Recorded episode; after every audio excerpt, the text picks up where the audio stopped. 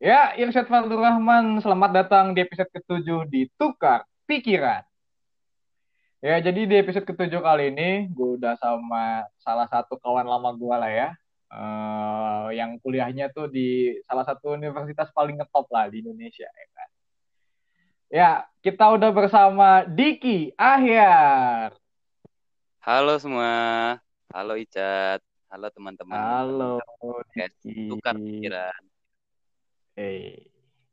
Ya, uh, jadi gue sama Diki, gue mau ngebahas soal ini ya, soal Mapala, ya kan.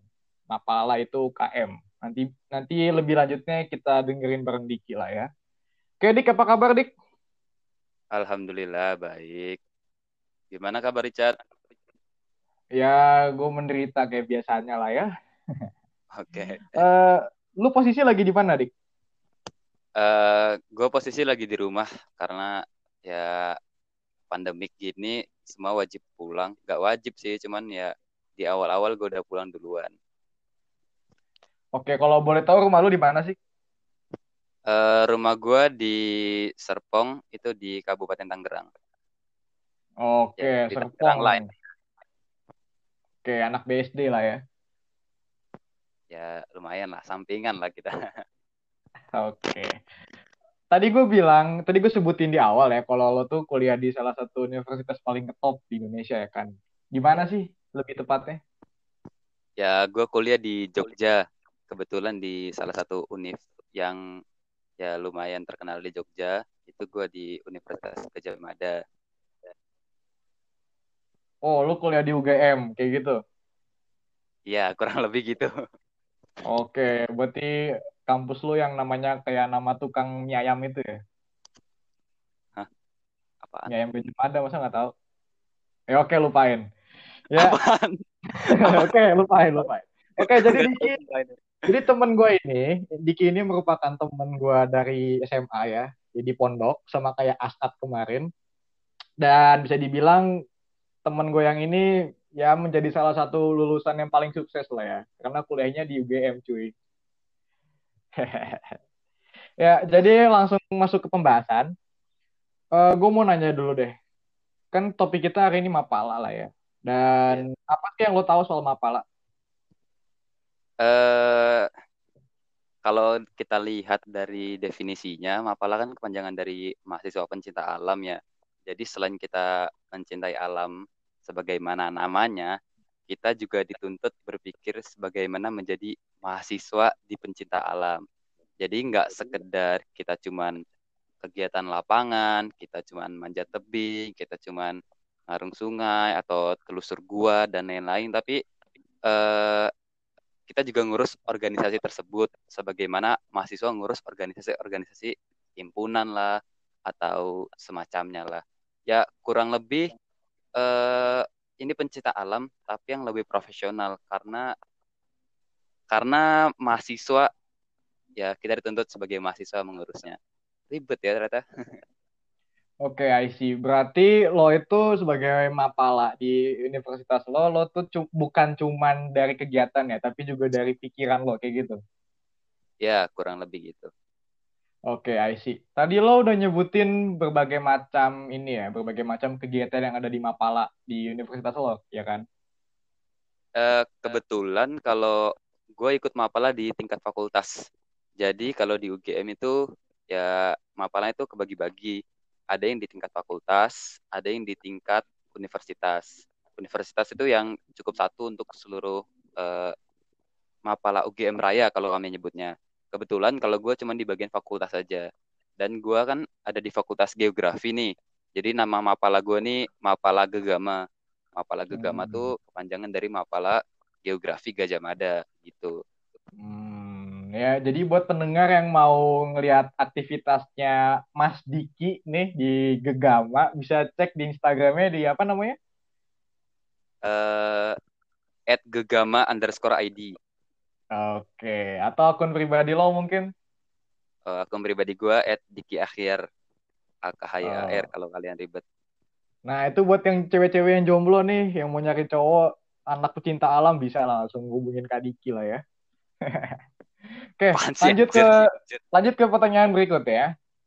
Oke. Uh, tadi lu udah nyebutin banyak banget kegiatan yang ada di Mapala di Gegama tuh kan. Kayak lu tadi bilang hmm, apa mengarungi sungai, apalagi tadi masuk gua segala macem.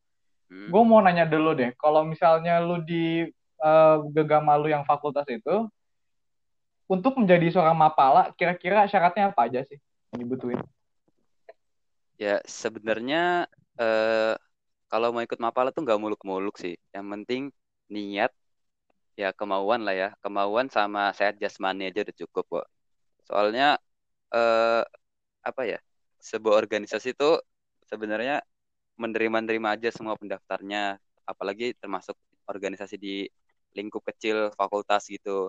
Nah nanti gimana prosesnya kita uh, berkembang di dalam organisasi tersebut. Jadi syarat utama daftar mapala nih gak ribet-ribet. Yang penting ada kemauan sama niat pribadi aja sih. Eh, sama aja, sorry. Kemauan sama sehat jasmani, sorry, sorry. Oke, berarti nggak ada tes kayak misalkan gini, lo kan di, lo kan masuk di Fakultas Geografi kan, berarti kan ya. yang gue tahu kan belajarnya fisika lah, ya. iya nggak sih?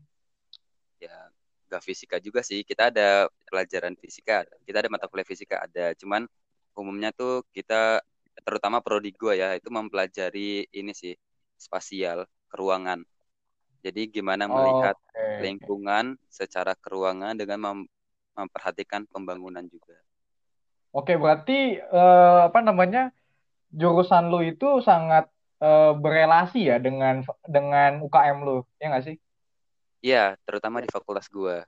Kalau di fakultas geografi kan kebetulan mempelajari uh, seluruh bentang lahan yang ada di dunia ini, bentang itu ada bentang alam, ada bentang budaya, dan kebetulan juga kan uh, kegiatan Mapala, Mapala fakultas ya kegiatan seluruh Mapala kan semuanya ada di alam ya. Jadi hmm. apa ya? Ini tuh relate banget sama kehidupan kampus gue.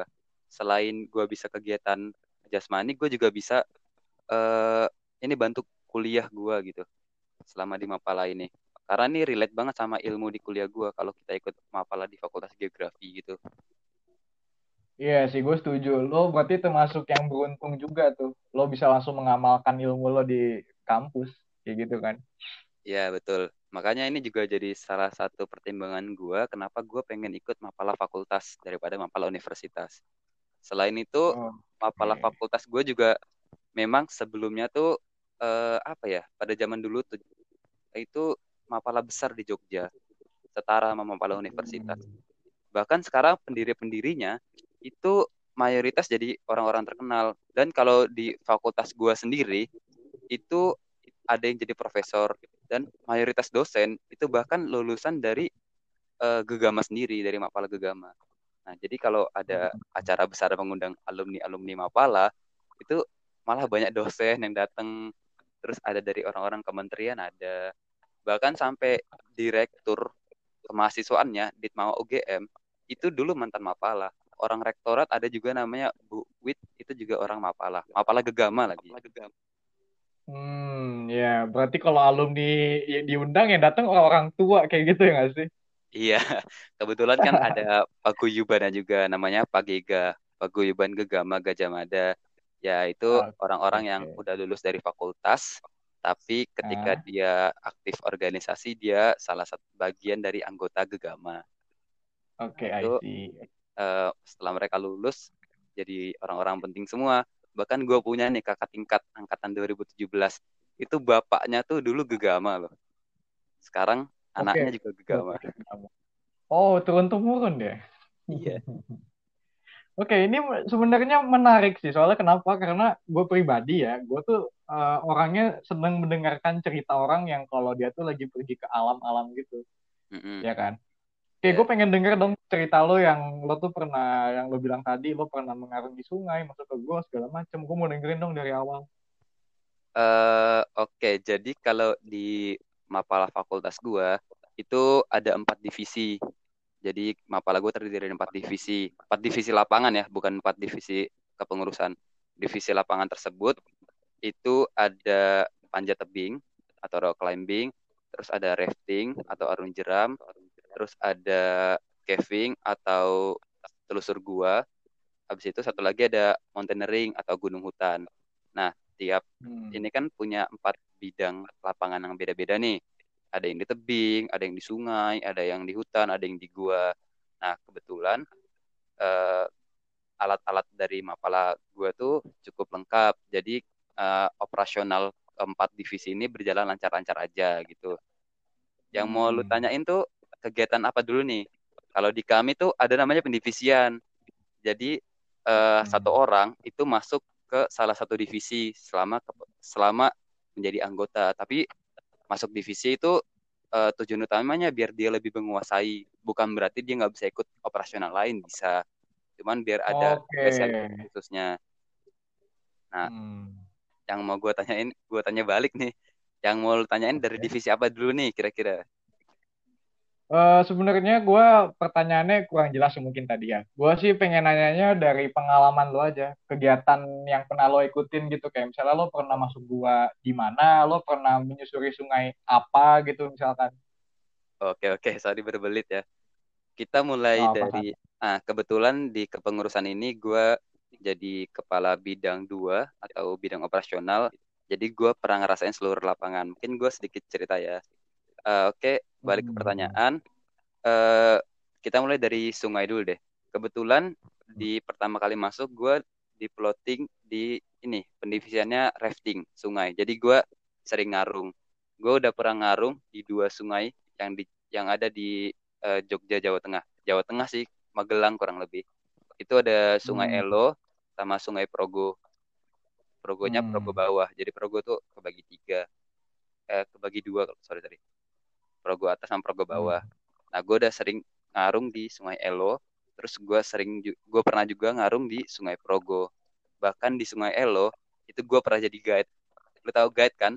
Tour travel gitu. Oh. Nah, itu hmm. gue pernah dan itu digaji. Jadi kayak magang gitu. Kita bisa magang. Nah, itu gue hmm. dasar-dasar jadi guide-nya itu yang pengendali perahunya itu dasar dari mapala gue. Itu untuk divisi rafting gitu.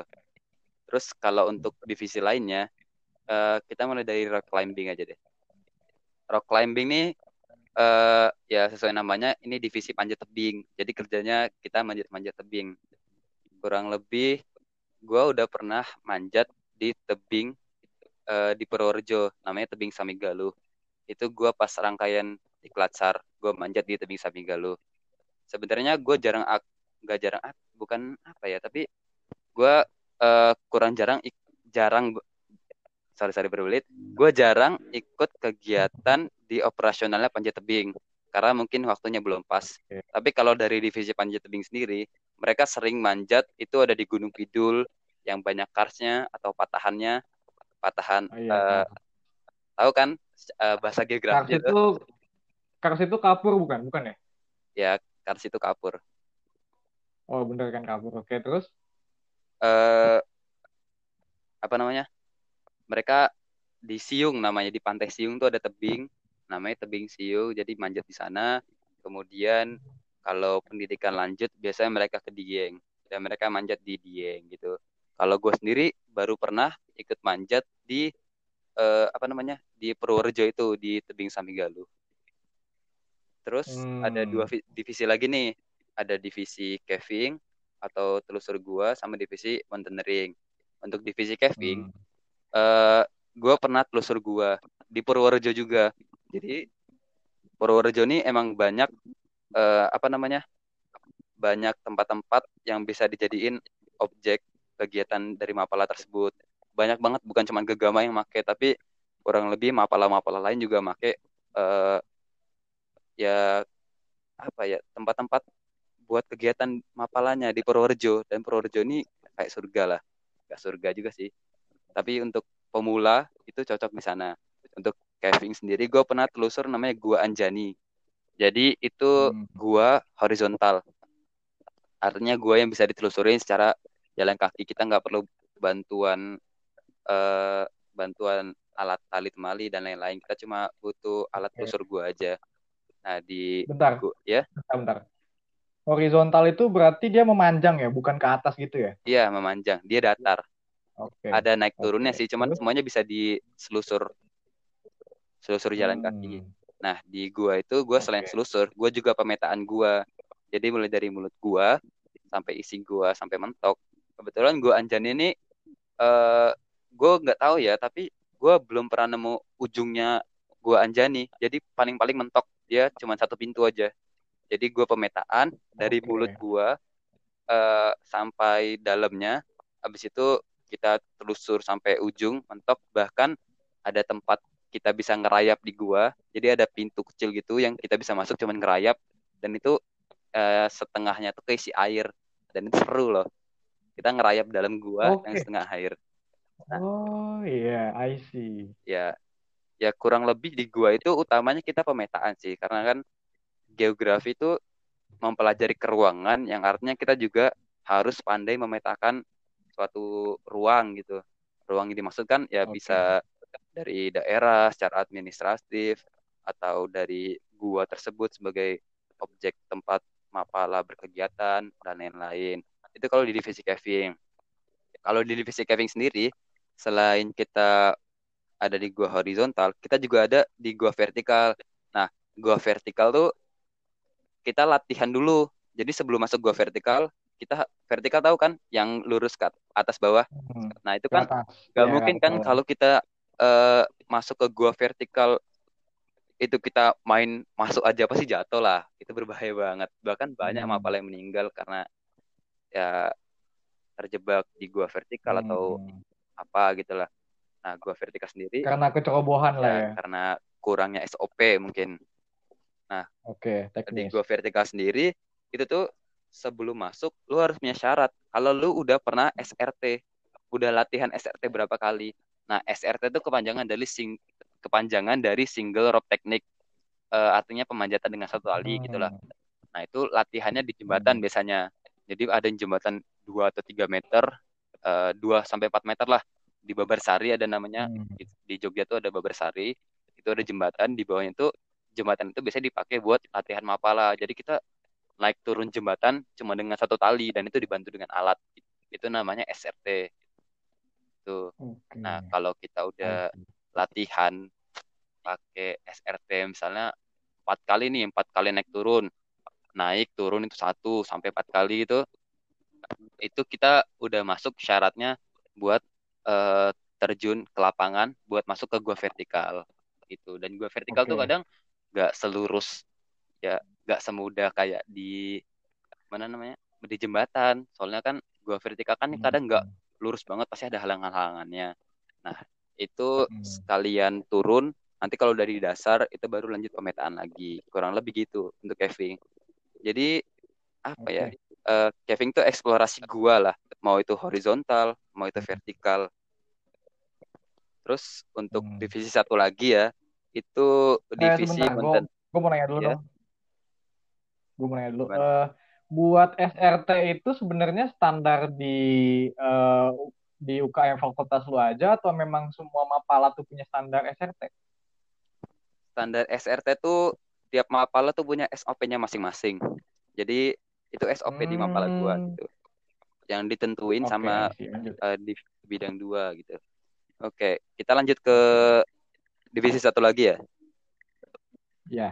Eh, divisi satu lagi tuh ada namanya divisi mountaineering atau gunung hutan hutan gunung. Sesuai namanya aja berarti kita apa namanya kita daki gunung lah. Nah cuman tujuan utama dari mountaineering ini ini bukan cuman daki gunung sampai puncak.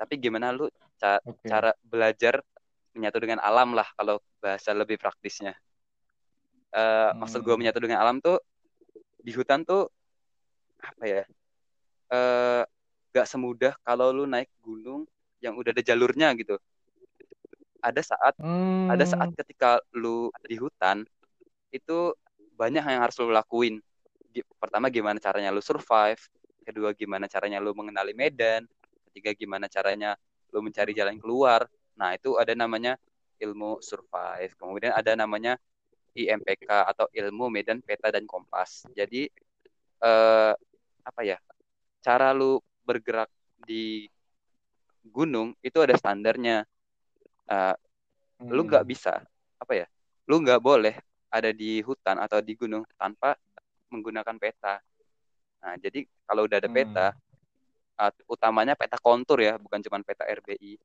Mungkin nanti uh, teman-teman hmm. pendengar podcast Tukar Pikiran bisa cari Google apa itu peta kontur. Jadi peta peta itu jadi petunjuk kita.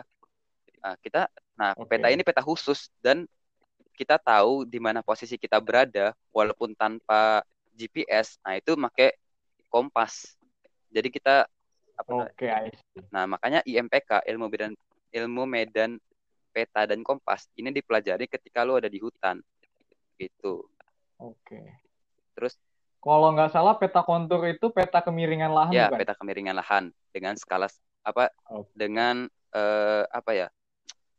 Uh, jadi dia tiap skalanya tuh tiap skala peta itu dia punya uh, rank yang berbeda-beda gitu dan itu ada ilmunya dalam pembuatannya. Okay. Nah, nah ini biasanya peta-peta tersebut itu didapat dari kita sendiri, Gegama sendiri. Jadi Gegama ini hmm. emang mapal yang terkenal karena sering banget dimintain buat peta. Karena ini apa ya kekhususan kami gitu. Ini spesialnya Gegama hmm. itu mapala yang hmm. bisa buat peta dan ini penting banget. Oke. Okay, nah, makanya banyak banget mapala. Hmm. Kita tuh sekre kami itu selalu rame jadi nggak pernah sepi ya kalau sekarang mungkin sepi lah karena lagi WFH kan tapi di tiap harinya pasti selalu aja ada iya. tamu dari mapal lain buat ngasih surat minta peta gitu peta merbabu peta hmm. lau peta gunung sumbing biasanya mereka buat pendidikan latihan dasar dan lain-lain tadi sampai mana ya oh ya sampai IMPK ya yeah. uh, uh, uh, uh. ya ketika di hutan itu lu uh, cuman punya alat seadanya, lu harus tahu gimana cara lu survive. Nah, itu ada standar operasional prosedurnya. Barang-barang okay, nah, okay. SOP-nya itu paling minim apa aja sih yang bisa buat bertahan hidup di hutan itu. Selain itu sebenarnya banyak sih. Ada juga misalnya PPGD itu pertolongan pertama pada gawat darurat ketika ada di uh, gunung hutan dan lain-lain. Kurang hmm. lebih gambaran besarnya hmm mountaineering gitu sih. Kalau dari pengalaman gue sendiri, itu gue udah pernah ke dua tempat. Itu pertama di kaki Gunung Sumbing, itu gue bertahan hidup di sana. Hmm. Uh, namanya di Bukit Kunci. Nah ya Bukit Kunci. Jadi itu ketika gue okay. diksar sama satu lagi di ini hutan pinus yang merbabu, merbabu via Cuntel. Hmm. Nah itu gue di sana. Hmm. Nah itu uh, apa ya sesi dik itu masuk ke dalam rangkaian diklat dan itu selalu berakhir di tanggal 1 Januari gitu. Jadi ketika 1 Januari orang-orang main petasan uh, ada bunyi dari sana meledak-meledak petasan, gue lagi di hutan ngeliatin, wah ada petasan, ada petasan. Oh gitu. Ya, Oke, okay, Dua tahun, itu menarik. Udah dua tahun ini gue ada di hutan terus. Kurang lebih gitu. Oke. Okay, Jadi menarik. itu gambaran. Menarik. Gambaran. Oke, okay, dari Hmm. Oke, dari semua cerita yang lo udah sebutin tadi, mulai dari rafting, ada caving, ada mountaineering, sama apa namanya? Satu lagi? Climbing. Gue lupa. Oh ya, climbing. Itu uh, dari empat, apa namanya, empat kegiatan tersebut, yang mana sih yang paling lo seneng? Ya, kebetulan gue paling seneng jadi anak sungai sih, Cat. Gue seneng rafting. Kenapa gue seneng rafting? Karena kan hmm emang awalnya kita tuh ada pendivisian ya. Ketika pendivisian, pilihan pertama tuh gue tuh emang rafting karena apa ya? Gue lebih seneng aja main air gitu di sungai. Terus uh, sama kalau gue hmm. ketemu wisatawan yang jadi kan emang itu Sungai Elo itu emang sungai wisata, tapi ada pengelolanya, ada hmm. paguyubannya dan uh, eh, okay. ini paguyuban resminya gitu. Nah, cuman emang Sungai Elo ini selain tempat wisata, dia ini 14 km panjangnya loh Sungai Elo. 14 nah, km ya, panjangnya. Sampai, Berarti panjang ya, banget lah ya. sampai 14 km panjang dari Sungai Elo. Nah, paling wisat wisatawan tuh ada yang cuman setengahnya atau ada yang sampai 14 juga ada yang paketan gitu kan. Nah, uh, sungai sungai ini kan okay. apa ya? Kriterianya tuh ya karena ini sungai besar dan uh, bagus bukan apa ya? Dia cocok itulah ya. Ini uh, untuk mapala itu untuk latihan atau untuk pendidikan latihan dasar atau pendidikan latihan lanjut ini cocok di sini gitu dan gue seneng di rafting hmm. tuh karena tantangannya tuh beda sih cat kalau yang lain di darat okay. atau di tebing atau di apa yang masih nyentuh permukaan nah sedangkan gue nyentuhnya permukaan air langsung tubuh air gitu dan ya lebih asik aja oke okay. I see oke okay. Uh, kalau kita ngomongin mapala nih ya mahasiswa pecinta alam itu kan biasanya kalau yang gue tahu ya stigma mahasiswa itu kan uh, pada awalnya wah mapala nih pasti kalau tes masuk ngapalan nih kayaknya menyeramkan nih. Kayak misalkan lo harus survive di gunung selama tiga hari, bekalnya cuma garam doang sama pisau misalkan ya. Kalau di Mapala di fakultas lo sendiri, eh, kayak apa sih tes awalnya? Maksudnya ada nggak yang kayak gitu tuh bener apa enggak sih? Uh, jadi uh, tes masuk Mapala itu di tempat gua namanya di kelas cara pendidikan latihan dasar dan ini rangkaian. Jadi uh, kalau tadi gue dengar lu ngomong ada cuma dikasih pisau cuma dikasih garam itu enggak kita tuh punya SOP-nya jadi hmm. punya standar paling minimal yang uh, standar paling minimal ketika di hutan atau ketika di tebing atau ketika di sungai itu apa aja dan itu peralatannya lengkap dari misalnya untuk kebutuhan uh, badan kebutuhan pribadi sama kebutuhan ya kebutuhan perut lah sama kebutuhan tempat tinggal sama kebutuhan uh, hmm. pakaian dan itu ada standar prosedurnya jadi kalau misalnya orang-orang ngecap Mapala ini sebenarnya gue nggak tahu kalau di tempat lain ya, tapi kalau di Gegama tuh uh, nggak nggak ini nggak cuma dulu dikasih pisau lu kasih garam atau apa itu ke sana TNI banget cuman di tempat gue tuh hmm. ada SOP mini SOP okay. minimalnya gitu dan nggak akan sampai segitunya okay. sih kita juga masih ada makanan hmm. tapi yang minim terus ilmu survive uh, survival itu tuh hmm. ada materi di mana hmm cara lu uh, dapetin air, cara lu dapetin makanan dengan bikin jebakan atau misalnya lu makan bunga-bunga bunga-bunga atau buah-buah yang sebelumnya udah lu, lu pelajarin gitu. Oke. Uh, berarti kalau gue simpulin ya, berarti bisa dibilang standar S apa standar operasional prosedur di Gegama itu berarti uh, lebih mengutamakan safety. Iya, ya karena safety can be fun, Chat. Oke, itu kalau dari kata-kata merek Fiesta nggak sih? Fiesta Nugget. oh, oke okay, salah ya gue ya. Oke, lanjut ke pertanyaan berikutnya. Tadi udah disebutin kan kalau lo tuh paling suka sama rafting. Iya, benar. nggak sih? Oke, kalau dari lo pribadi ya, lo tadi udah nyebutin alasannya kenapa lo suka rafting dan gue mau nanya gini deh kalau gitu. Uh, apa selama pengalaman lo mengikuti gegama nih ya kayak lo misalkan lo pernah ikut rafting lo pernah ikut mountaineering caving segala macemnya uh, ada nggak sih kendala yang lo temukan gitu? Misalkan ya ketika lo sedang mountaineering misalkan ada kaki lo terluka atau lo pernah kayak gimana gitu mungkin? Uh, kayaknya di empat divisi ini gue pernah sih ada sedikit kendala sih. Pertama tuh dari divisi rafting dulu deh. Gue pernah ketika lagi jeram ada jeram gitu kan harus kenceng mm -hmm. gue yang ngendalin perahu tapi karena kuda-kuda gue nggak kuat mm -hmm. gue jatuh. Terus ketika jatuh gue pikir ya karena jatuh gue pasti udah siap kan cuman ketika jatuh gue nggak hanyut -hmm. tapi gue malah nyangkut di batu nah batunya ini uh, agak nonjol di tengah-tengah jeram dan gue nyangkut di situ bukan nyangkut uh, gue duduk gue kira gue bakal jatuh ternyata gue duduk terus okay. ya gue kan bingung ya tiba-tiba banget lah gue nggak hanyut tapi gue duduk uh. gitu gue kena uh. air tapi gue nggak kehanyut karena harusnya kurang kencang di batu itu uh. terus dari belakang tuh ada perahu uh. kedua Halo, uh, tadi kayaknya ada gangguan sinyal ya mungkin ya. Hilang okay. suara lo tadi. Kayak gue lanjut, gue lanjut aja ya. Oke, lanjut aja. Ya, itu yang di rafting tadi mungkin gue udah nyebutin, gue pernah ketabrak sama perahu. Jadi ketika gue jatuh, gue malah nyangkut atau duduk di atas batu mm-hmm. uh, ada perahu dari belakang dan alhasil gue ketabrak dan gue langsung hanyut lagi. Itu di rafting. Kalau nggak nggak nggak.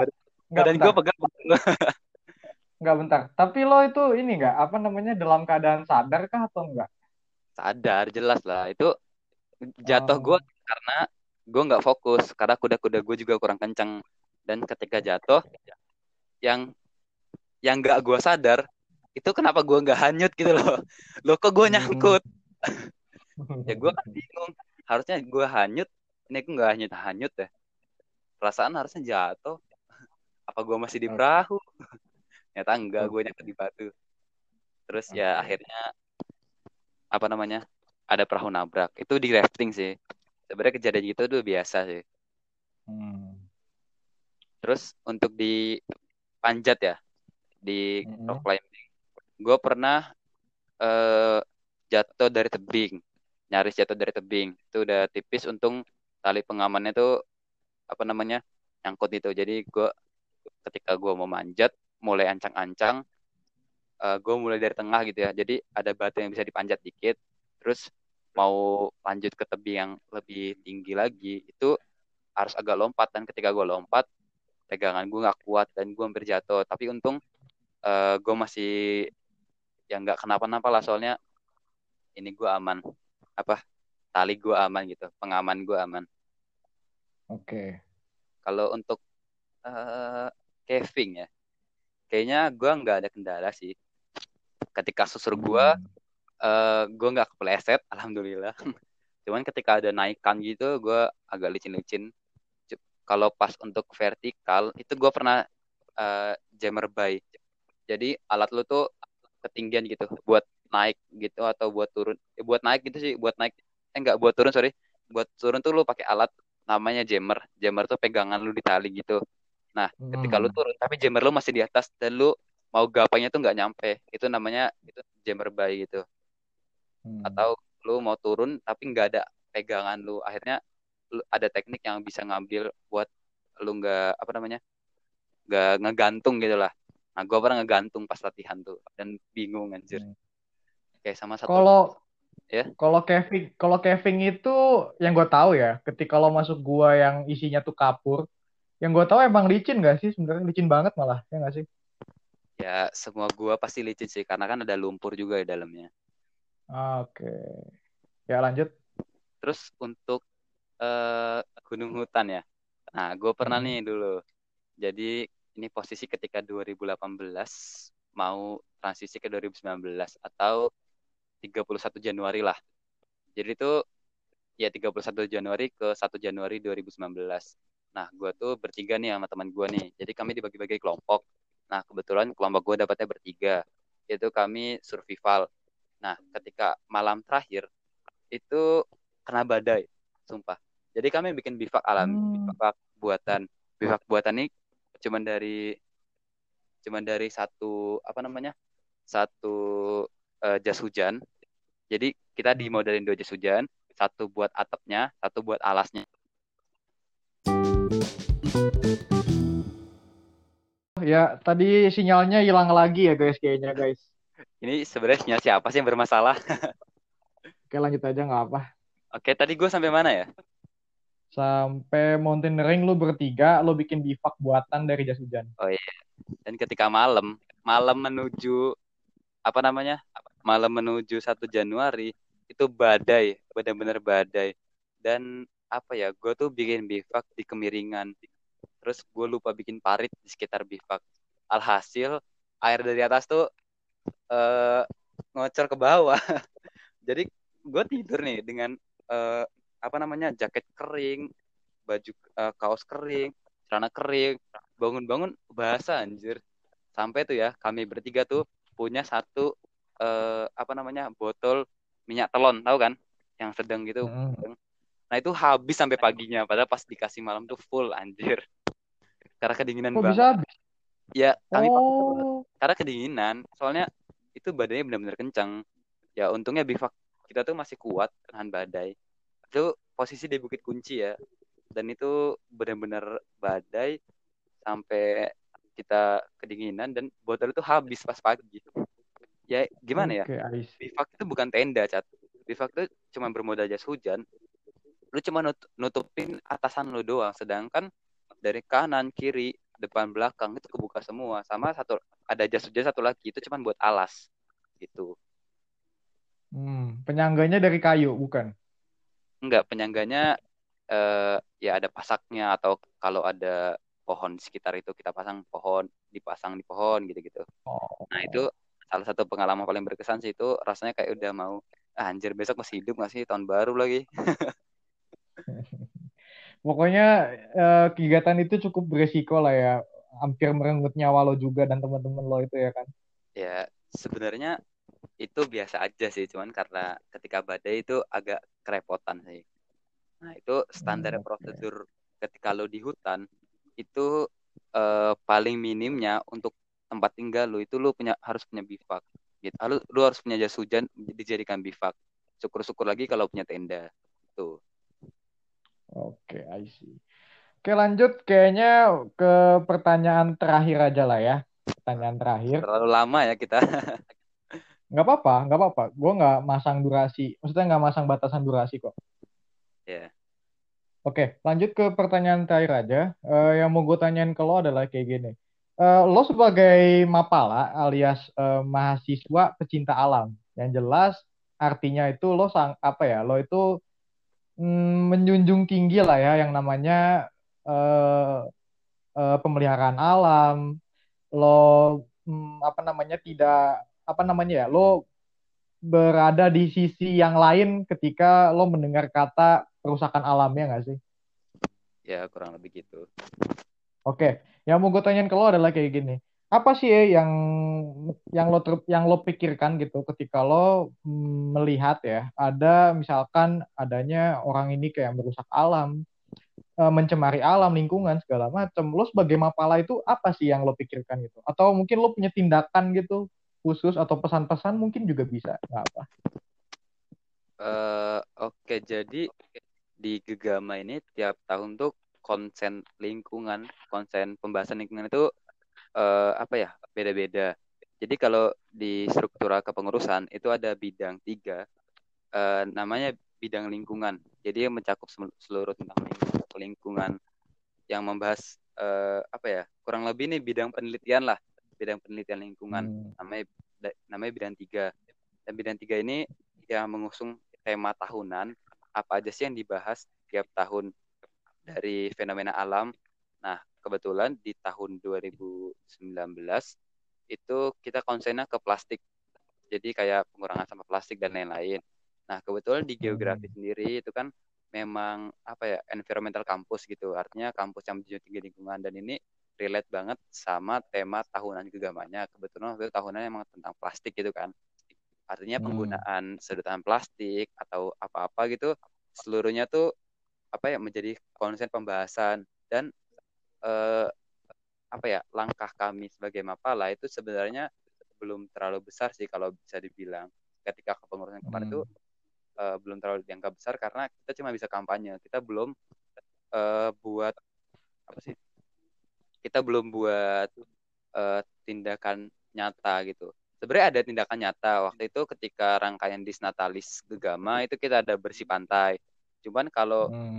uh, dirasa selama satu tahun kepengurusan tuh dirasa ya cukup bisa dibilang cukup bisa dibilang kurang juga sih walaupun konsen kita emang tentang lingkungan tapi gue rasa kurang sih kalau misalnya kita cuma sekali doang ngebersihin pantai selama satu kepengurusan nah kalau untuk okay. tahun ini kebetulan kita belum ada bahasan temanya mau apa karena kepengurusan kita sedikit tertunda karena ada corona ini dan tindakan kita juga nanti ke depannya bakal banyak sih tindakan-tindakan kreatif bisa dari kampanye bisa dari lain-lain sendiri. Nah, kalau dari bentuk kampanye itu selain didukung oleh fakultas environmental kampus yang ngasih tiap mahasiswanya tumbler, itu kita juga biasanya ada share-share poster atau misalnya kita ada hari Kamis, Kamis tanpa plastik dan lain-lain gitu sih. Terus kita dari Gegama sendiri juga buat tumbler gitu. Oke, buat tumbler. Oke. Ya, uh, kayaknya gue udah cukup banyak ya ngobrolin soal Mapala sama Diki ini. Kayaknya udah banyak banget yang dibahas, mulai dari pengalaman Mas Diki, mulai dari teori-teori di Mapala, segala macem. Yang menurut gue itu selalu menarik sih buat didengerin ya. Karena gue gue pribadi gue seneng sih denger. Kayak temen gue jadi Mapala dan dia berhasil keliling ke mana-mana gitu kan, nyusurin alam Indonesia gitu. Gue bangga. Oh, Oke, okay. uh, eh, sebelum gue tutup deh, gue mau nanya dulu ke lo deh kalau gitu terakhir. Atau mungkin dua pertanyaan terakhir deh, yang biasanya gue tanyain ke yang gue undang gitu. gue mau nanya, uh, mungkin ada nggak sih uh, pesan atau kesan lu buat uh, apa namanya teman-teman Mapala yang sekarang nih lagi menggeluti ilmunya gitu di UKM mereka masing-masing kayak gitu, ada nggak sih? Uh, pesan kesan ya, pesan buat mereka ya. Ya pesan, gue nggak jago lagi ngasih pesan.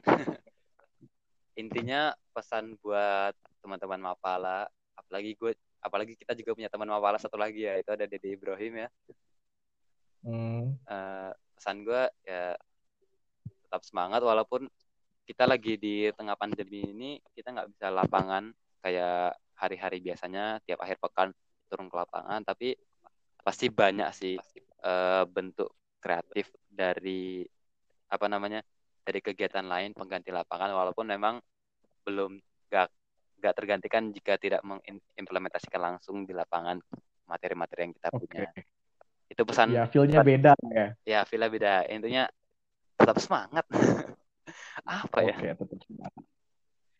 Oke, itu dia tadi uh, pesan dan kesan dari Mas Diki ya buat Mapala yang lagi apa berjuang ya di luar sana kayak gitu.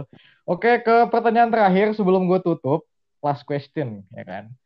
Uh, gue mau nanya ini sih. Uh, ada nggak yang mau lo sampaikan lagi buat ini mungkin buat podcast tukar pikiran mungkin?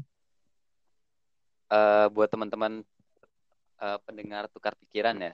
Oke, okay, buat teman-teman hmm. pendengar podcast tukar pikiran, gue harap uh, lu seneng semua dengar uh, sesi podcast sama gue kali ini walaupun bahasan kita kadang kurang umum mengenai mapalah. Gue yakin juga mungkin teman-teman pendengar nggak semua anak mapala atau apa gitu. Tapi hmm. kan gue buat kalian semua tetap dengerin podcast ini karena uh, podcast tukar pikiran tuh podcast yang didengar dari dua sisi kehidupan orang lain. Jadi lu bisa ambil hikmah-hikmah atau pelajaran dari apa ya dari hasil tukar pikiran mereka ini dari hasil ngobrol-ngobrol kalau lu punya hikmah kalau lu dapet hikmah dari podcast gue ini kebetulan ya jangan lupa diamalkan kita lebih baik gila gue udah kayak ustadz Oke, siap, siap. Oke. Itu dia. Intinya tetap mas... dengerin tukar pikiran. Oke, okay, itu dia tadi pesan Mas Diki buat para pendengar tuh dengerin ya. Jangan lupa dengerin terus tukar pikiran tuh kata Mas Diki. Ya. Oke, uh, eh, terima kasih nih Dik lo udah main-main, udah mampir, udah bersedia juga jadi pembicara di podcast tukar pikiran. Yo, sama-sama, Chat. Oke, uh, eh, ya gue juga mau nyampein buat pendengar ya buat selalu semangat menjalani kehidupan walaupun ada badai pandemi ini ya nggak akan menghentikan semangat lo lah ya kan. Oke, kita ketemu lagi ya Dik ya di lain waktu lah ya. Oke, sip. Makasih ya udah diundang. Oke, ya sama-sama Dik. Ya, terima kasih buat yang udah dengerin episode ke-7 kali ini. Ya, Irsyad Valdur Rahman. Sampai jumpa lagi di episode berikutnya di Tukar Pikiran.